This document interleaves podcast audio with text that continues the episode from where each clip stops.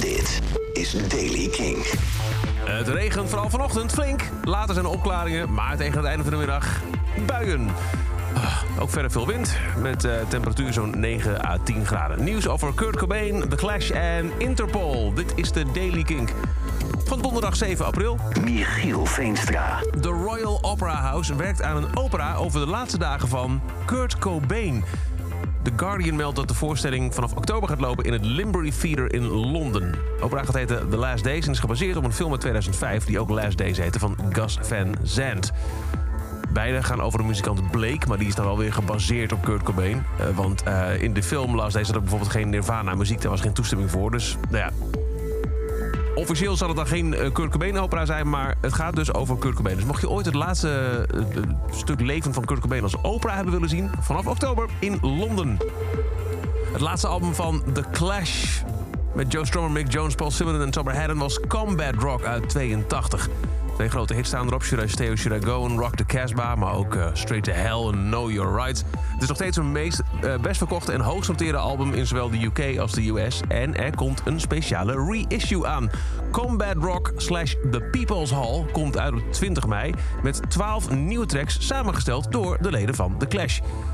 Die ehm, extra tracks, The People's Hall, die komen uit een aantal concerten die de band gaf in 81 in The People's Hall in the Republic of Frestonia in Londen.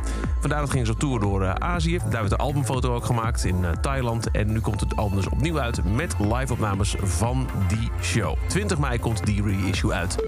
En vandaag wordt een eh, drukke volle dag. Ramstein komt vandaag uit om eh 6 uur met Tic-Tac. Maar vandaag komt ook uit ineens, duveltje uit een doosje, nieuwe muziek van Interpol. Tony, zo gaat de nieuwe single heten. En de band liet een teaser zien en horen op hun Instagram.